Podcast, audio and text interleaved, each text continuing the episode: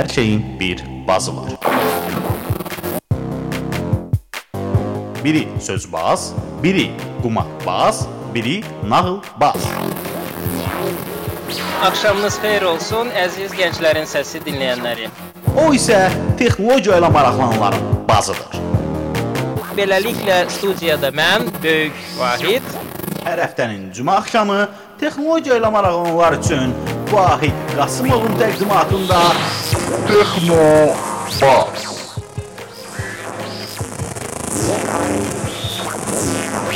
Texnologiya ilə bağlı hər şey. Texnobazda. Salam, hər vaxtınız xeyir olsun əziz gənclərin səsi dinləyiciləri. Hər cümə axşamının axşamı olduğu kimi Gənclərin Səsi onlayn radiosunun efirində canlı olaraq yayımlanan Texnobaz verilişi yenə də sizinlə bərabərdir.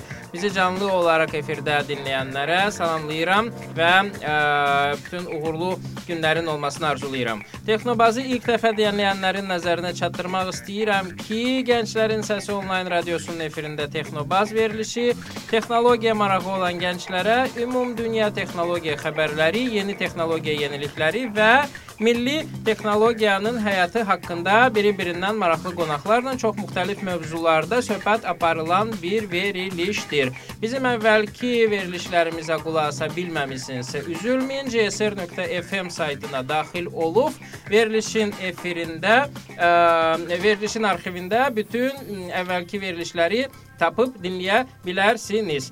Və ə, bu gün biz artıq olduqca dəbdə olan bir mövzu haqqında danışacağıq. Belə ki, ə, bizim mövzumuz ə, artıq dəbə düşmüş startap sözü ilə bağlıdır. Biz startapların uğur sirləri və ya uğurlu startapların sirləri haqqında danışacağıq. Bununla əlaqədar bu dəqiqəki qonağım Elşad Yusiflidir. Elşad zəhmət olmasa özünü təqdim elə ki, ə, dinləyicilər başa düşsünlər ümumiyyətlə söhbət nədən gedir, studiyada nəyə görə sən oturmusan, sənin startaplara aidiyyatın nədir və s. Əvvəla ə, dəvət elədiyiniz üçün təşəkkür eləyirəm. Ə, dinləyicilərimizi də salamlayıram. Ə, Mən ə, Elşad Yusifli, mən ə, NetTrends ə, startapının qurucularından biriyəm. Aha. Ə, Azərbaycanda demək olar ki, ə, startap məsələsi, startap mövzusu keçən ildən ə, ə, başladı, belə Aha. deyək. Keçən ildən başladı startap yarışmaları, startapın ə, bizim artıq ə, texnologiya mövzularında istifadə olunması. Biz də elə keçən il bir yarışma ilə, bir yarışmada birinci olaraq başladıq. Ondan Hı -hı. sonra hal-hazırda artıq firma olaraq bazarda ə, fəaliyyət göstəririk. Başa düşdüm bazarı, firmanı, startapınızı, hər şeyi. Sən deqindən ixtisasca sən kimsən? Menecersən, marketinqçisən, reklamçısan? mən ə, ə, texniki ə, ixtisasım texnikidir, kompüter ə, məzunuyam. Aha. Ondan sonra da bütün ə, stajım, bütün iş fəaliyyətim kompüter mühəndisi olaraq davam edir. Aha, proqramçısan. Proqramçıyam. Aha. E, startapın uğurlu olması üçün quruculardan birinin proqramçı olması nə dərəcədə əhəmiyyətlidir? Mütləq əhəmiyyətlidir. Çünki daha doğrusu belə deyim ki, ə, IT sahəsindəki ə, bir startap qurursunuzsa, mütləq bir dənə texniki ə, mütəxəssis olmalıdır. İkincisi də ki, marketinq satışla əlaqəli. Əsasən minimum 2 ortaqla belə başlamaq yaxşıdır. Aha. Ə, ümumiyyətlə startap bu ancaq IT sahəsindəki hansısa layihəyə deyilən bir sözdürmü, yoxsa ümumiyyətlə hər hansı bir ə, necə deyirlər, yenilik, hər hansı bir layihə startap adlana bilərmi? Əslində hər hansı bir layihə startap adlana bilər. Ə, sadəcə olaraq ə, bunun IT-də belə çox səslənməsinin səbəbi odur ki, IT layihələri dünyada daha sürətlə, daha geniş yayıla bilir. Məsəl üçün. Mən məsəl üçün bəzi layihələr var ki, bir neçə ildə e, məsəl biz bizim e, bildiyimiz bəzi WhatsApp-ın özü misal üçün. Hı -hı. E, bir neçə ildə bir neçə 100 milyonlarla müştərisi istifadəçisi olur və bu e, layihə satılır. Bir neçə milyard qiymətlə satılır. Yəni e, başqa sahələrdə qısa müddətdə belə yüksək rəqəmlərə e, yüksək rəqəmlər real görünmür. Ona görə startaplar daha çox e, IT sahəsində olur, amma başqa sahələrdə də ola bilər. Hı -hı. Yaxşı. Sizinki deməli IT sahəsindədir. Çünki sahə sizə yaxındır. Özünüz oturursunuz, özünüz yazırsınız. Və ondan sonra ortaya hər hansı bir məhsul çıxır. Özümüzdə də ə, marketinq ixtisası üzrə ixtisas ə, sahibi deməli ə, investor olduğuna görə və ya ə, Ortaq deyək, ortaq, hə, yoxdur ortaq bəlkə. olduğuna görə özünüz də necə deyirlər marketinqi ilə məşğul olursunuz və ə, necə deyirlər startap pul qazandırmağa başlayır. Bəli. Hə. Ə, imtahası ə, bu yaxınlarda Facebookda How to Make Money adlı bir e, ikonografiya görmüşəm. Ə, startapla əlaqədar, yəni ki, startapı qurursan, üzərində işləyirsən, ondan sonra nə bilim, insanlara göstərirsən, tanıdırsan, həyata keçirirsən və s. və axır və axırda onu birinə satırsan. Və bu da sənin pul qazanma, yəni necə deyirlər, yolundur. Ə, WhatsApp-ı bayaq misal olaraq göstərmisən ki, o qısa bir müddətdə necə deyirlər, inkişaf eləyib, milyard milyar, milyardlı auditoriya gəlib çatıb və daha sonra satılıb. Ə, deməli qurucusu pul əldə eləyib. Ə, startapdan pul qazanmaq üçün mütləq onu inkişaf elətdirib kiməsə satmaqmı lazımdırmı? Özü startapın özünü işlədərək pul qazanmaq mümkün deyil. Özünü işlədərək də pul qazanmaq mümkündür. Sadəcə olaraq belə bir e, startapda daha çox belə bir model istifadə olunur ki, bu e, Ha. e, deməli belə bir model istifadə olunur ki, Satırsa pul qazanır. yox səs səs getdi ona görə. Hə. Üzr istəyirəm. E, deməli layihəni məsəl üçün daha 2 nəfər deyək ki, bir dənə e, texniki işçi, bir dənə marketinqdən bilən e, iki ortaq başladır, bunu Hı -hı. böyüdürlər və layihə sürətli böyüdüyünə görə e, investment tələb eləyir çox vaxtı. Satmaq deyəndə bir bir e, bir anlamda elə bil ki, bu da nəzərdə tutulur. Bir dəqiqə, belə bir şey ə, şey eləyək. Nəyə görə məsəl üçün bir layihə investisiya tələb eləyə bilər? Məsəl üçün startapa başlamaq istəyənlər üçün biz hal-hazırda ə, gəncləri nəzərdə tuturuq. A, tutalım ki, startap inkişaf eləməyə başladıkdan sonra nə üçün investisiya lazım ola bilər? E, startaplar əslində cürbəcür ol- olur. Belə e, daha doğrusu belə deyim ki, ideya, bir ideya fikirləşsiniz və onu həyata keçirmək istəyirsiniz. Hı E, onu həyata keçirmək üçün ola bilər ki, sizə çox pul lazım deyil. Siz oturub onu məsəl üçün bir proqram ola bilər, siz oturub onu yaza bilərsiniz və artıq e, satmağa başlaya bilərsiniz. Və yaxud da ola bilər ki, siz o ideyanızı proqram deyil, başqa bir şeydir. Onu həyata keçirmək üçün sizə bir pul lazımdır. Məsəl Başlamaq üçün bir pul lazımdır. Onda məsəl üçün o startaplar ə, əvvəlcədən, məsələn bu daha çox hansısa fiziki bir avadanlıq düzəldən startaplarda elə ehtiyac olur. Onlar startapa başlamamışdan əvvəl onlar gedib investisiya axtarırlar ki, biz belə bir avadanlıq düzəldəcəyik və avadanlığı düzəltməmişdən əvvəl belə deyək ki, ə, bir növ satırlar onu. Hı. Amma ə, IT layihələrində çox vaxtı belə olur ki, ə, bir proqram təminatı yazılır. O proqram təminatı yavaş-yavaş satılmağa başlayır və doğrudan da hansısa yaxşı bir problemi, böyük bir problemi həll edən bir proqramdırsa, Hı -hı. bu sürətlə satılmağa başlayır, sürətlə istifadəyə başlayır və artıq ə, siz iki nəfər olaraq, iki ortaq olaraq bunu idarə eləyə bilmirsiniz. Hə, çatdıramırsan Çatdıra bilmirsiniz. sadəcə resurs Burada resurs hə, ə, bəli, resurs çatışmazlığı əmələ gəlir. yaranır. Bu işçi ola bilər, bu hansısa serverlar ola bilər Hı -hı. ə, və s. Yəni bu vaxtda siz artıq bir investora müraciət edə bilirsiniz. Aydındır. Yəni belə Ehtiyac. deyək də, misal olaraq ağlıma Twitter gəldi ki, ə, prinsipcə onu yaratmaq üçün, ə, proqram təminatını yazmaq üçün 4 saat xərcləyiblər. Bəli. Ə, çünki kifayət qədər bəsit bir sistemdir, amma sonra fikirləşirsən ki, həmin sistemdən milyonlarla insan istifadə eləyir. Aydın məsələdir ki, ə, zəif bir server buna tab gətirə bilməyəcək. Onun üçün məcbursan ki, ə, buna görə pul ə, tapasan ki, güclü serverə keçəsən və s. Hətta və hətta 1-2 il bundan qabaq ə, məsələn Adnaklasniki kimi nəhəng bir sistemdə də məsəl üçün ə, problemlər əmələ gəlirdi ki, serverlər çatdıranmırdı. Hə. Nəsə deyirdin, sözümü kəsmişəm O, başda. o ə, deməli qeyd elədiyim o idi ki, bu danışdığımız şey çox vaxtı birinci investor ehtiyacı olur. Yəni ki, layihə çox sürətlə böyüyür, sizə bir pul lazımdır və siz Hı. bir investordan ə, o maliyyə, o büdcəni əldə eləyirsiniz və onu ortaq eləyirsiniz layihəyə Hı -hı. və iki, bir də ikinci mərhələ, üçüncü mərhələ investmentlar ehtiyac Siz öz layihənizdə bu birinci investoru tapmısınızmı? Biz əslində layihəyə yeni başlayanda, hələ Hı -hı. Azərbaycanda belə ə, startap və s. çox ə, belə deyək ki, mod deyildi, çox gündəmdə deyildi bu mövzu. Biz Hı layihəmizin biznes planını yazıb bir neçə ə, investora gösterdik, dedik ki bax bundan pul qazanmaq olar və s. E, bizə biraz maliyyə ayırın bunu bunu yazaq. E, özümüzü investorlara bəyəndirə bilmədik. Aha. Əgər e, belə demək. Özünüzü yoxsa layihənizi? Elə layihəmizi də özümüzü də. E, Ondan sonra qərar verdik ki, özümüz oturaq, yavaş-yavaş, yavaş-yavaş. Yəni bunu investment olsaydı daha sürətli eləmək olardı, Bəli. amma biz onu e, yavaş-yavaş axşamlar işləyərək 6 6-cı gün bazar günləri işləyərək e, layihəni tamamladıq və ondan sonra e, investmentsiz, yəni ki, biz də e, layihəni tamamladıq. Mhm. Ondan sonra artıq satışa başladıq və Bəlkə də daha yaxşıdır. Yəni investor olsaydı o sizdən müəyyən bir pay götürəcəkdi. Sizin gəlirləriniz daha aşağı olacaqdı. Bəli, o da o da məntiqlidir. Yəni ki, biz ilk e, ilk başda axtardığımız investisiyanı tapa tapmadığımıza görə bütün işləri özümüz gördük və hal-hazırda şirkətdə tamamilə özümüzə aid. Aha. Bu dəqiqə təklif gəlsə həmin insanlardan ki, o vaxtı gəlmişdiniz, ha, pul istəyirdiniz. Gəlin mən sizə pul verim, mənə bir hissəsini satın. Necə olacaq sizin reaksiyanız? Satacaqsınızmı ki, daha da inkişaf elətdirəsiniz, yoxsa deyərsiniz ki, yox, o vaxtı vermək lazım idi. Hal-hazırda artıq indi onu ehtiyac elə yoxdur. şey eləməmək lazımdır ki, yo, o vaxt siz vermədiniz və s. E, təbii ki, indiki qiymətlər, indiki investment e, və indiki bir hissəmizin, şirkətin bir hissəsinin qiyməti Mhm. o vaxt bizim təklif edildiyimiz qiymətlər kimi deyil. Əlbəttə ki. İndi, ə, o qiymətləri nəzərə alıb təbii ki, yenə də bir ə, hansısa bir hissəni invest investora sata bilərik. Mhm. Çünki ə, hal-hazırda biz bazarda nə qədər işləsək də, nə qədər böyük firmalarla, banklarla və s. kontraktlarımız olsa da, hələ ə, planladığımızın demək olar ki, yarısını eləməmişik hələ. Hələ planlarımız var, hələ planlarımız böyükdür.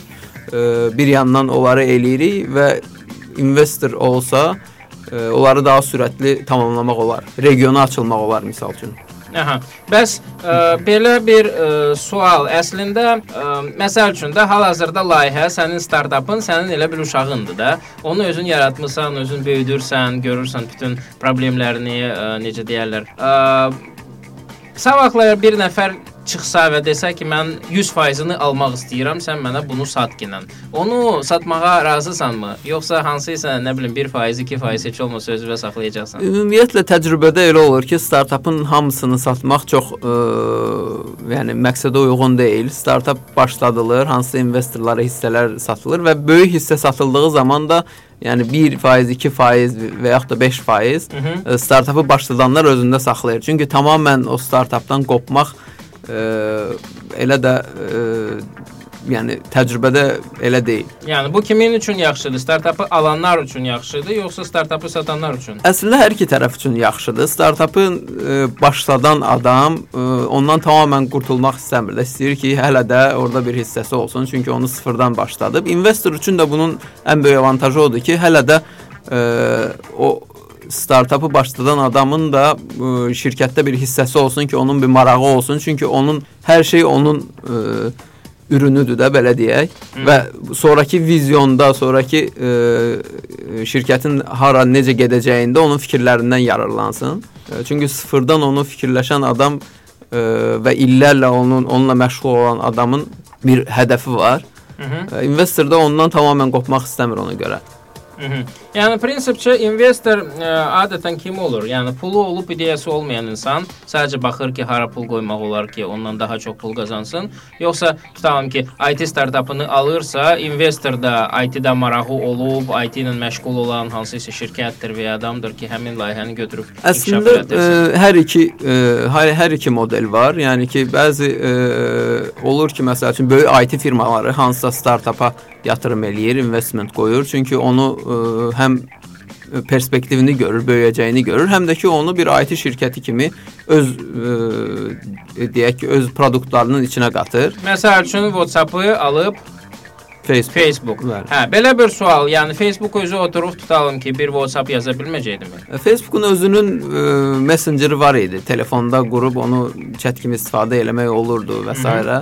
Amma ə, WhatsApp-ın yüksəlişi xüsusilə də Whats- WhatsApp-ın belə sürətlə yayılması, sürətlə hamının istifadə etməsi, yəni WhatsApp-ın ə, istifadəçilərinin artma tempi Facebookunkundan da, Twitterin-kindən də və digər bütün sosial şəbəkələrdən ən yüksəyi idi. Ona görə hamının gözü WhatsApp-da idi. Hı -hı. Çünki orada artış elə bir templə gedirdi ki, hələ heç bir sosial mediada elə artış tempi yox idi. Facebook onu aldı ki, inkişaf elətdirsin və istifadə eləsin, yoxsa alsın və rəqibini öldürsün? Yox, rəqibini öldürsün deyil. Əslində orada iki məqam, hər hər iki məqamı saymaq olar, amma daha çox ə, onu istifadə eləsin və oradakı istifadəçiləri də Facebook istifadəçisi kimi ə, şey eləsin və o təcrübədən istifadə eləsin. Daha çox bu ağır basır, amma təbii ki, bir yandan da ə, öz rəqibini, rəqibini kontrol altına alır, kontrol altına almış oldu və öz o rəqibinin istifadəçilərinin də öz istifadəçisi kimi artıq hərçənd yəni bəzi layihələrin alınması onların heç də inkişafına gətirib çıxartmır. Məsələn, məncə e, Skype-ı Microsoft-un alınması Skype-ın axırına gətirib çıxardıb. Çünki yəni keyfiyyəti təmiz ölüb. Yəni belə Microsoft sayağı işləməyə başladı və e, qavaqlar üzləşmədiyimiz problemlər hal-hazırda Skype-da mövcuddur. Düzdür, o təcrübə də olur, o təcrübə də olur. Çünki e, məsəl üçün o çox vaxt belə olur ki, layihə tamamilə başqa bir layihədir. Onu götürüb e, Microsoft bütün öz e, korporativ qayda qanunlarına uyğunlaşdırmağa çalışır. Layihədə o qədər dəyişiklik olur ki, Hı -hı. artıq o, o köhnə e, mənasını itirir. Köhnə mənasını itirir, bəli. Hı -hı. Eyni zamanda məsəl üçün deyərim ki, Viber-la da müəyyən problemlər əmələ gəlmişdi. Ə, onun da daha sonra alınması, aldığı, alındığını eşitdik. Ə, hərçənd ə, hələ ki bilinmir axırı nə olacaq. Bəli, elə sat satışların hamısına müvəffəqiyyətli demək olmaz. Yəni Hı -hı. ki, hamısı ə, satıldıqdan sonra daha yaxşı olur demək ə, təbii ki, səhvdir. Ə, əsas odur ki, investor onu alanda böyük bir firma onu alanda nə fikirləşir? Yəni onları ə, onları yaxşı planlamalıdır. İndi bizim Bəzən investorlara, plan... məsəl üçün minvi investorlara Azərbaycanda pullar az deyil əslində.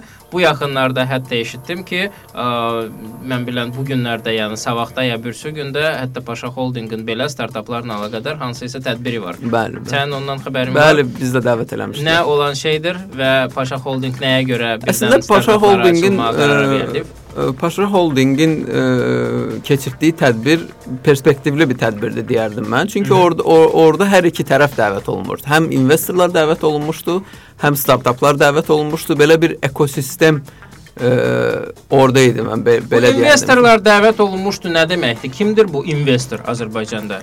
Ə, investor deyəndə Azərbaycanda sırf startaplara ə, büdcə ayıran investor e, yoxdur, amma ki IT sahəsində böyük şirkətlər var. Onlar dəvət olunur ki, hansısa startap bəlkə onlara Heç maraqlı gələ bilər. Bəlkə çaşıb investment eləyərlər layihəyə. Yəni biz ümid eləyirik ki, onlar e, təbii ki, bu startap mövzusu yenidir. Biz ya, ümid eləyirik ki, bu sahənin mütəxəssisi olaraq Eşət, ucu neçə ildir Azərbaycanda işləyirsən. Sən bilən nəyə görə böyük IT şirkətləri hal-hazırda hansısa layihələrin inkişafına maraqlı deyillər. Ancaq və ancaq hardansa sifariş alıb, hardansa nə bilim dövlət ə, layihəsini, o tenderini udub, onu görmək, onun pulunu götürmək kimi şeylərlə məşğuldurlar. Yəni oturub öz layihəsini ortaya çıxartmaq və necə deyirlər, adını da onunla bir yerdə ə, duyurmaq istəmirlər. Nə üçün? Təəssüf ki, bu dediklərinizə mən də qatıl qatılıram. Yəni ki, bu ə, doğru bir təsbitdir. Yəni Azərbaycanda ə, IT şirkətləri Görürsən ki, çox vaxtı xaricdən layihələr alırlar, Azərbaycanda implementasiya eləyirlər. Bəziləri özləri də yazır, onların da haqqını yeməmək lazımdır. Öz layihələri də olur, amma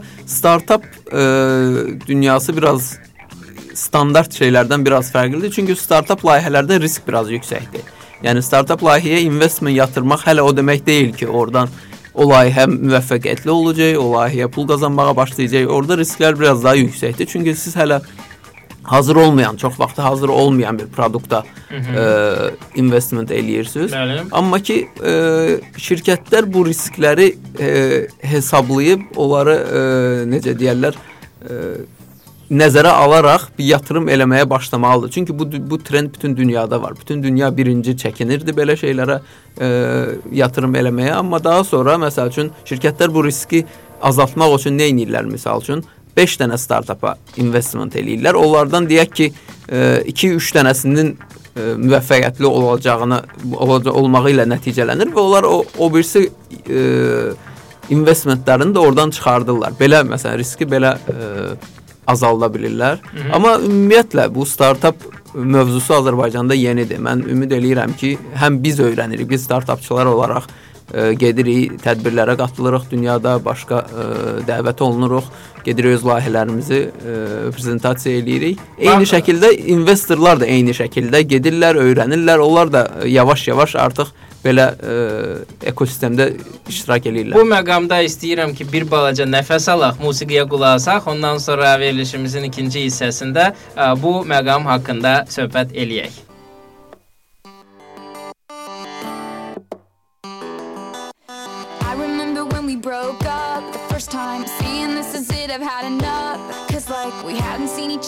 In a month when you said you needed space. What? Then you come around again and say, Baby, I miss you and I swear I'm gonna change. Trust me, remember how that lasted for a day? I say, I hate you, we break up, you call me, I love you. Ooh,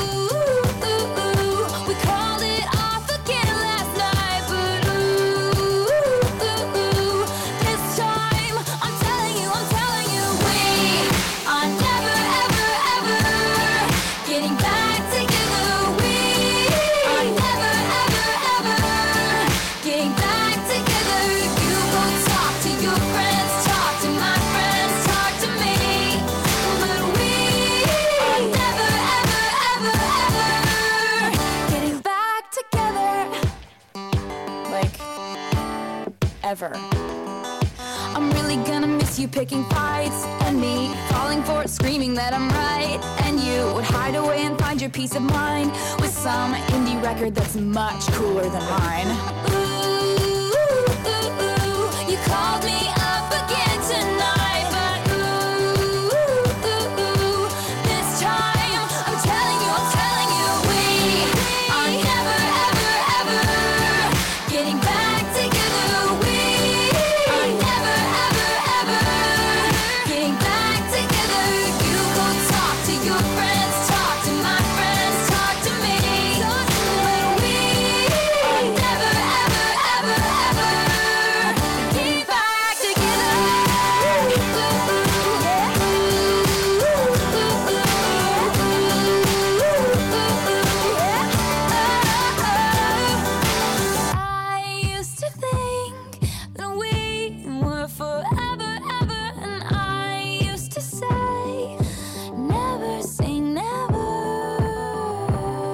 So he calls me up and he's like, I still love you. And I'm like, I'm just, I mean, this is exhausting, you know? Like, we're never getting back together. Like, ever. No! We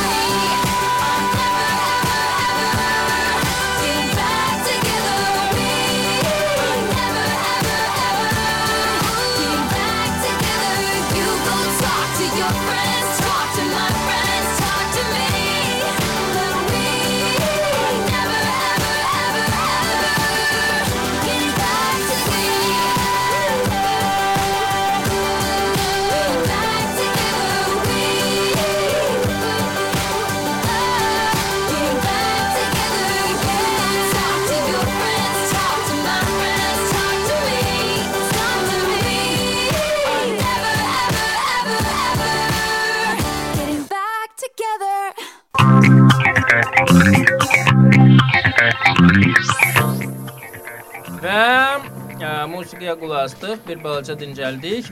Söhbətimizə davam edirik. Yadınıza salım ki, bu günləri biz startapların uğurundan söhbət eləyirik, uğurlu startaplardan söhbət eləyirik və qabağımda Elşad Yusifli oturur, hansı ki, ən azı bir dənə uğurlu startapın müəllifidir. Hərçənd onun sandığındakı startapların sayı birdən artıqdır. Nəsə yeni startapların da var kimi eşitmişəm. Onlar nədir və nə üçün ümumiyyətlə belə bir işə girişmisən, ikincisi, üçüncüsü və s. bilirsən ki, bir dənə uşağı böyüdürsən, o belə yaxşı savad verə bilirsən ona.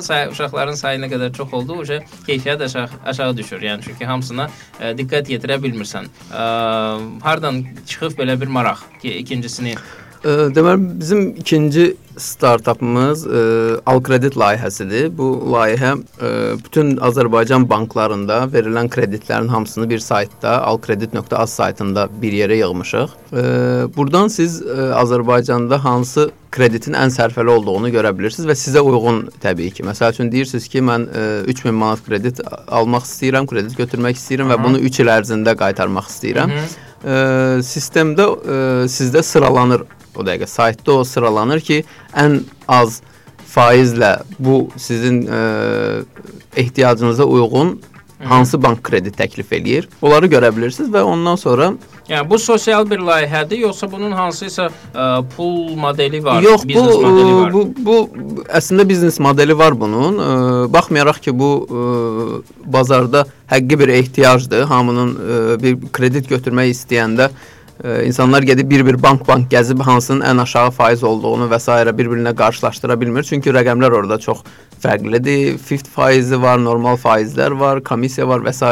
Yəni onun ə, istifadəçi üçün heç bir xərci yoxdur, əlavə xərci yoxdur. İstifadəçi sadəcə daha asan kredit ə, özünə uyğun krediti daha asan tapa bilir, amma bu ə, biz bunu banklarla ə, Hə. əlaqələndiririk və elə bil ki, ə, bizim gəlirlərimiz daha çox banklardan olur.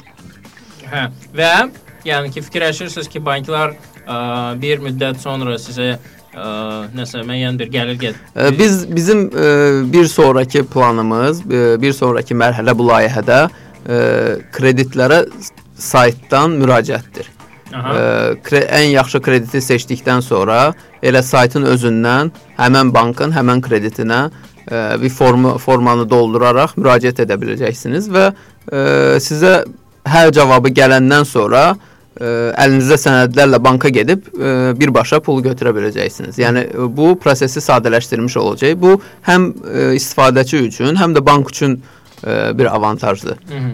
Bəs alınır ümumiyyətlə banklardan ə, ilkin danışıqlar Banklar nə göstərir? banklarla ilkin danışıqlar ə, eləmişik. Ə, banklar bu ə, təşəbbüsə müsbət baxırlar. Hı -hı. Ə, onlar da tərəfdarlar. Hətta bizə ə, deyirlər ki, saytda saytdakı o məlumatları biz özümüz update eləyə bilək.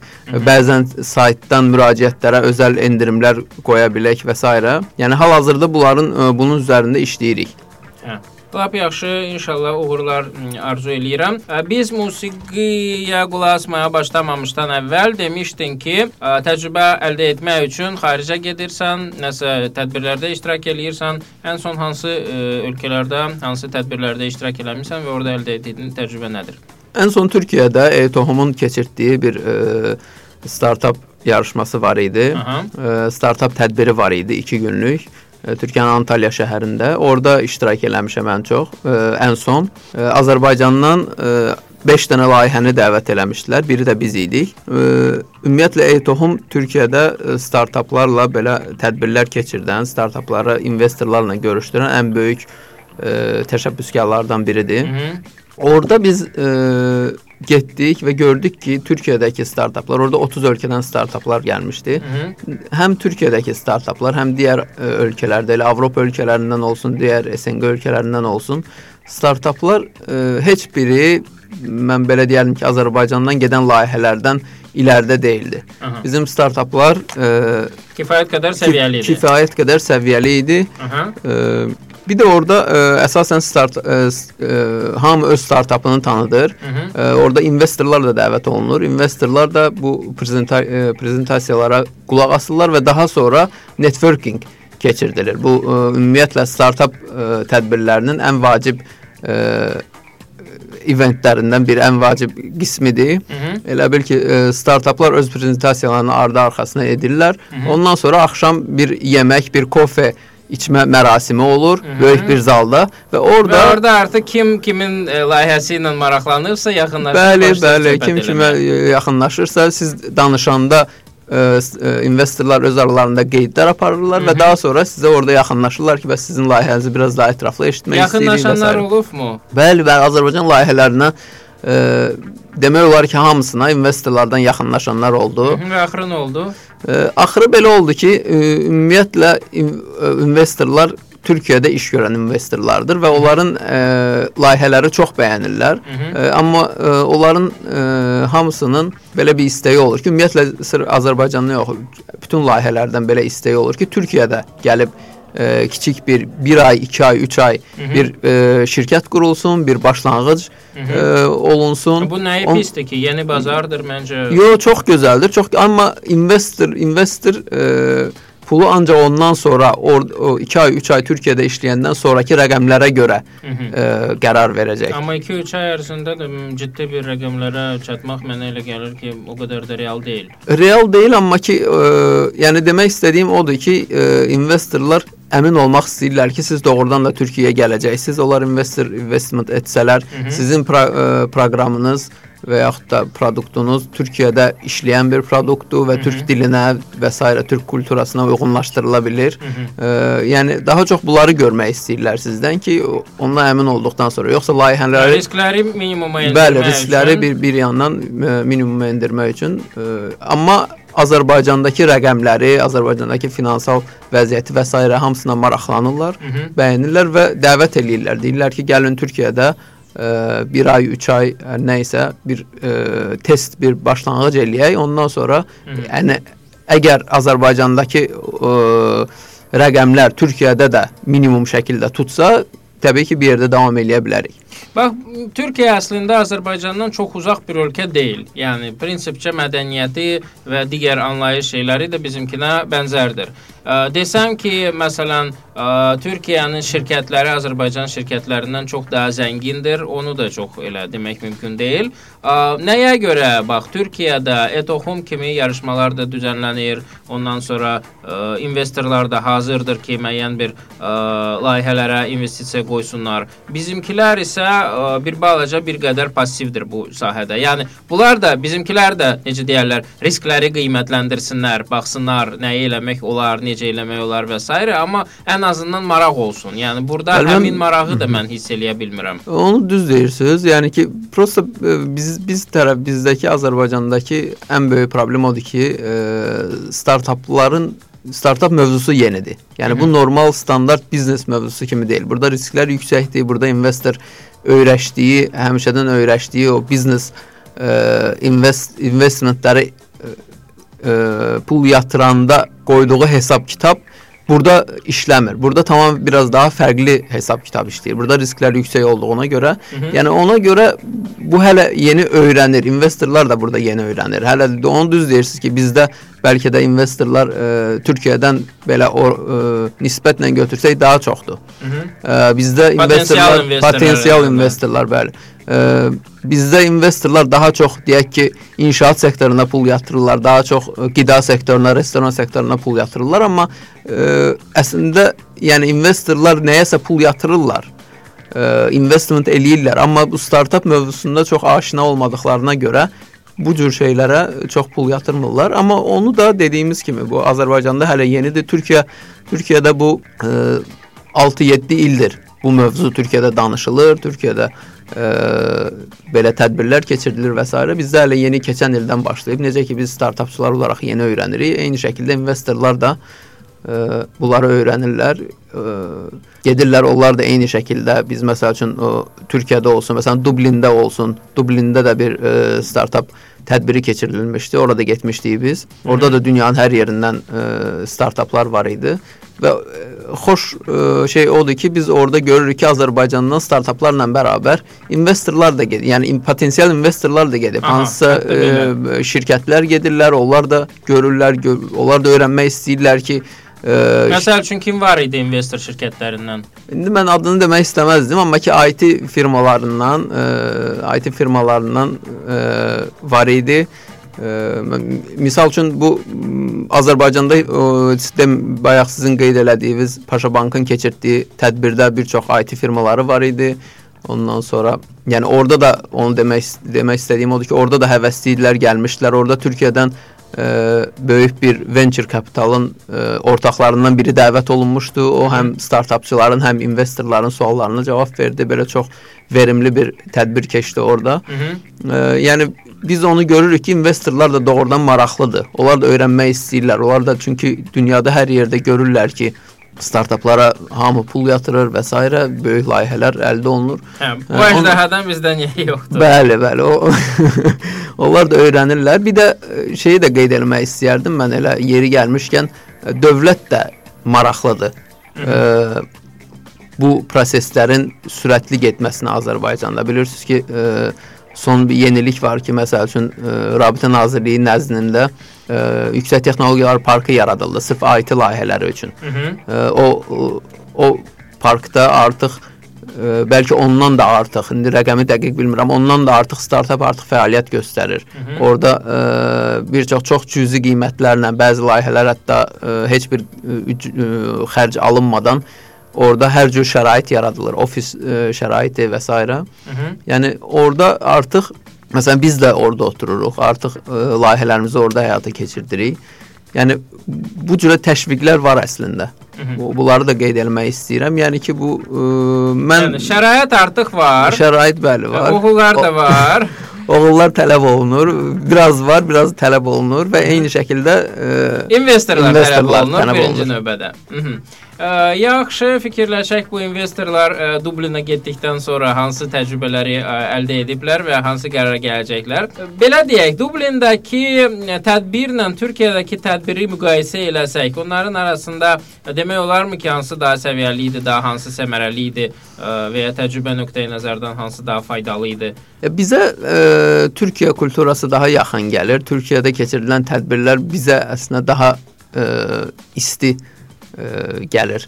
Mən onu deyərdim. Dublindəki e, tədbir biraz böyük bir tədbir idi. O e, belə interaktivlikdən daha çox sərgi mahiyyəti var idi orada. Hı -hı. Startapların hər birinə e, sərgidəki kimi belə bir yer verilmişdi. Onlar orada öz e, loqolarını, bannerlarını asmışdılar və e, yaxınlaşanlara öz startapları ilə əlaqəli məlumatlar verirdilər. Belə böyük bir zalda sərgi mahiyyətli bir şey idi və təbii ki, bu startapların bu tədbirlərdə yan otaqlarda mütləq ə, yüksək səviyyəli treyninqlər, yüksək səviyyəli ə, ə, belə deyərdim ki, böyük şirkətlərin CEO-ları, CTO-ları və s. danışırlar, onlara gedib qulaq asmaq olur.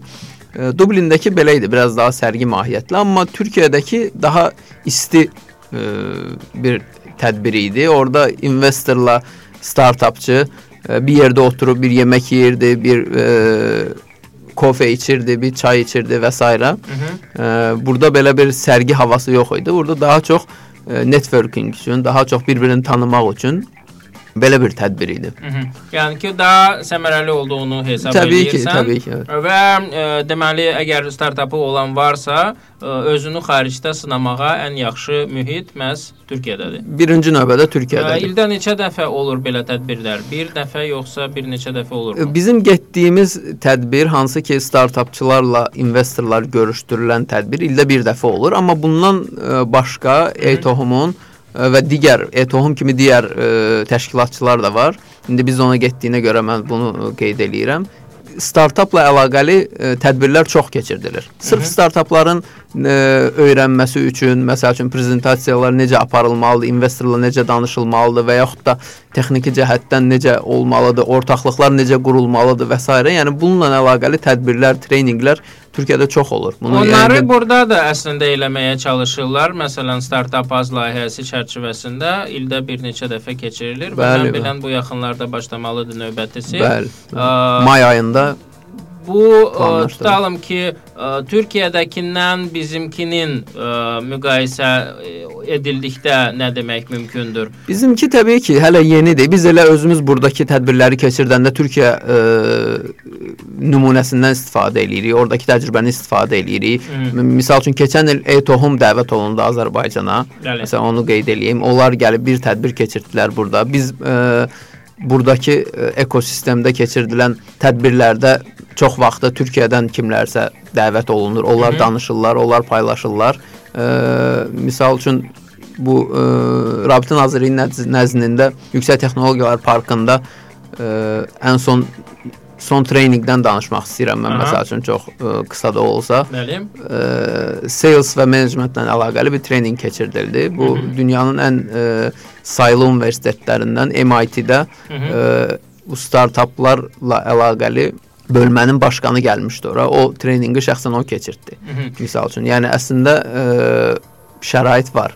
Belə deyək, bu cür məsələn də startap düşünən, açmağı düşünən və ya bu ə, işi ümumiyyətlə fikirləşən ə, gənclərə nə tövsiyə eləyə bilərik? Bu tədbirlər haqqında ə, daha sonra, artıq keçdikdən sonra tutalım ki, texnobazda öyrənmək əvəzinə əvvəlcədən hardan məlumat tuta bilsin, də, tuta bilərlər? Harda var tutalım ki, belə bir icmallar ki, Keçən illərdə, keçən illərdə biz başlayanda bir 2 il əvvəl bu çox problem idi. bəli. Amma indi necədir? Mən ə, qeyd eləyim, bax Qafqaz Universitetinin nəzdində startaplarla əlaqəli texnopark var. Hı -hı.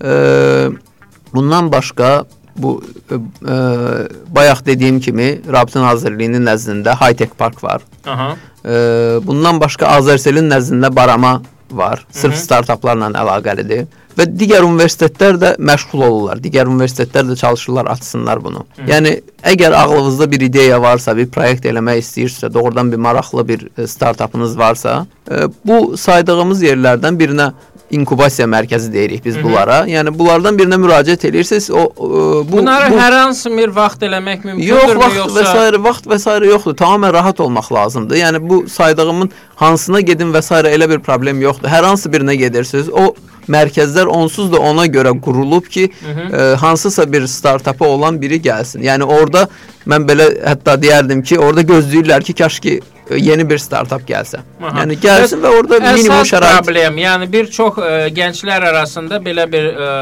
şeylər olur ki, deyəlim ki, mənim bir ideyam var, mən bunu startap kimi başlamaq istəyirəm, ə, amma kiməsə danışmaqdan qorxurlar ki, onların ideyalarını götürəcəklər, oğurlayacaqlar, nə bilim, onlardan tez davranacaqlar və s. və axır. Yəni ki, bu cür fikirləşənlərə nə tövsiyə eləyə bilərsən? Nə dərəcədə düzgündür? O, o fikir yeni başlayanların hamısında olur. Hı -hı. Yeni başlayanların hamısı elə bilir ki, o ə, onun layihəsini deyən kimi, o öz fikrini deyən kimi kimsə tez oturub onunla məşğul olacaq. Mən onu qeyd eləyim ki, startapçıların arasında ə, boş vaxtı olan yoxdur ki, götürüb o birisinin layihəsi ilə məşğul olsun. Hamının öz layihəsi var, hamının başı qarışıqdır. Əvvəlcə bunu deyim. Hı -hı. Ə, ikinci növbədə onu deyim ki, əgər çox ə, ə, belə deyək ki, ə, çox şübhələnirsinizsə, heç deməyin. Sadəcə inkubasiya sistemində qeydiyyatdan keçmək üçün ə, oradakı idarəçilərə deyirsiniz. Onlar görürlər ki, doğrudan da yaxşı bir startapdır və siz orada işləməyə başlayırsınız. Yəni o startapınızı hər yerdə e elan eləmək istəmirsinizsə, elan eləməyin. Hansısa bir səviyyəyə gələndən sonra elan eləyin. Amma bu ə, mən ə, demək istəyirəm ki, bu səhv bir fikirdir ki, yəni mən deyən kimi kimsə oğurlayacaq və s. Çünki siz hər kəsin öz layihəsi öz başında o qədər fikirləşib, o qədər bişirilib ki, artıq ə, sizin dediyiniz bir neçə sözlə, bir sadəcə bir-iki cümlə fikirlə kimsə götürüb onu sizdən yaxşı eləyə bilməz onsuz da. Hı -hı. Və ən son olaraq bizim verilişimiz yavaş-yavaş sona çatır. Sənin ə, startap başlamaq istəyən ə, cavanlara tövsiyələrin nə olacaq? Hardan başlasınlar, necə başlasınlar, ümumiyyətlə necə getsinlər və ə, nə vaxtı ə, artıq hiss eləməyə başlayırsan ki, startapın uğurlu olub.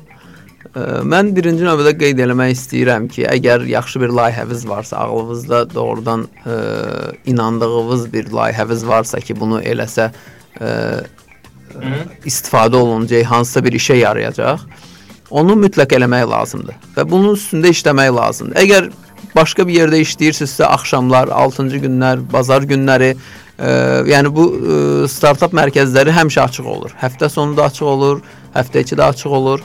Ə, əgər özünüzə yaxşı bir ortaq tapa bilsəz, ə, deyək ki, bir texnikisinizsə, marketinq və yaxud da marketinq ə, mütəxəssisisinizsə, o işi görə biləcək texniki bir adam. Hı -hı. Yəni layihəyə başlamaq lazımdır. Sadəcə siz ağlınızda mənim yaxşı fikrim var deyə-deyə vaxt keçirtməmək lazımdır.